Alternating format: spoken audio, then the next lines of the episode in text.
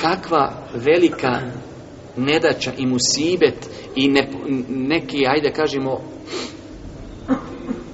stvari koje nisu poželjni i sani, kako ga mogu zadesiti ako ne poznaje prioritete u životu.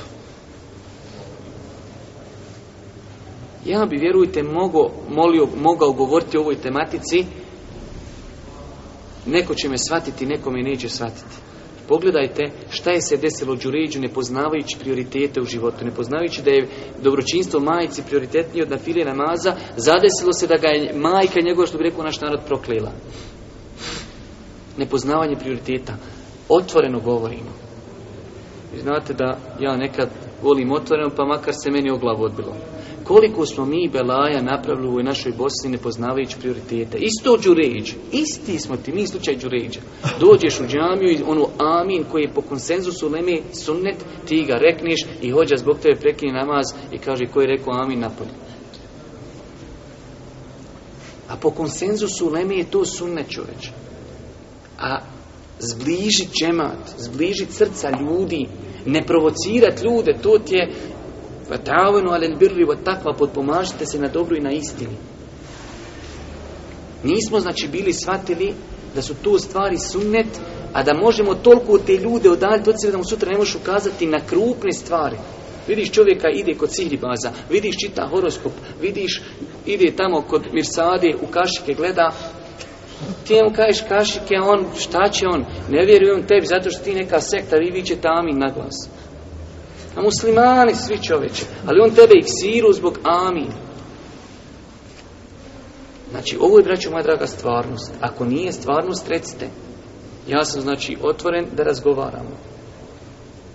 Čak znači ja sam vama spominjao Šehu Bin Bazu koji se smatra znači ako je iko bio znači žestok u pogledu i novotarija i popuštanja vjeri on znači nije tu popuštao kažu mu ljudi šejh ako odemo u džamiju gdje ljudi ne znaju za određene sunnete kao ami jer je to to je mu sivet koji čitav umet je zatretio Pakistanu mičeš prstom i u Afganistanu dođe prvi koji se kod tebe i prst gore slomi prstom. odmah. Džehl, neznanje. U Keniji dole žena zove Šeha bin Baza, kaže, znači tu ima i fetve koji su štampani. Kaže, meni žene kažu da je moj namaz neispran zato što se moj namaz, ja klanjam koji muškarci. Džehl, neznanje. Ljudi se toliko svadi oko amin, oko dizanja ruku, oko širenja nogu, ne svadi se niko oko skrušenosti u namazu. Šta si klanju, koliko si klanju, kako si klanju? Ne, ne, bitno je samo jesi li ko ja, jesi li amin, jesi li micao prstom, jesi dizao ruke. U te tri stvari, ako se složimo, braća smo, ne složimo se, najžešći neprijatelj na planeti. Istom Bogu se klanjaju, u istog poslanika vjeruju, i znači zbog tako sitnih stvari, moram i nazvati sitne, one su velike, svaka stvar u je velika, ali tako sitna u pogledu onoga što imamo veći. Imamo neprijatelje, pogledaj šta nam ljudi rade i danas dan u Iraku i Čečenju u Palestini i mi se i dalje globamo i glodamo oko čega? Oko micanja prsta, oko ami. Znači, braću moja draga, to nije ništa drugo do nepoznavanje prioriteta. To je u pogledu sunneta i vađiba. Zamisli kad ti dođe onda da moraš izvagati između dva harama, jer mi živimo u takvim vremenima. Kad dosta puta moraš, i to je ulema govorila koliko hoćeš, pravila u islamu, kada imaš izabrati između dva harama, moraš izabrati jedan, izabiri onaj koji je manji.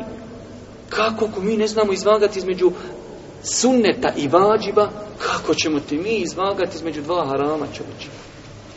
A nemojte se čuditi, dolazi vremena.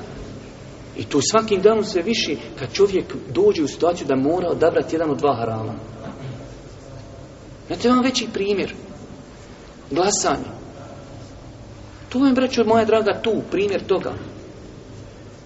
Tu čovjek uzima, zna da je bela i jedno i drugo, ali uzima manju štetu.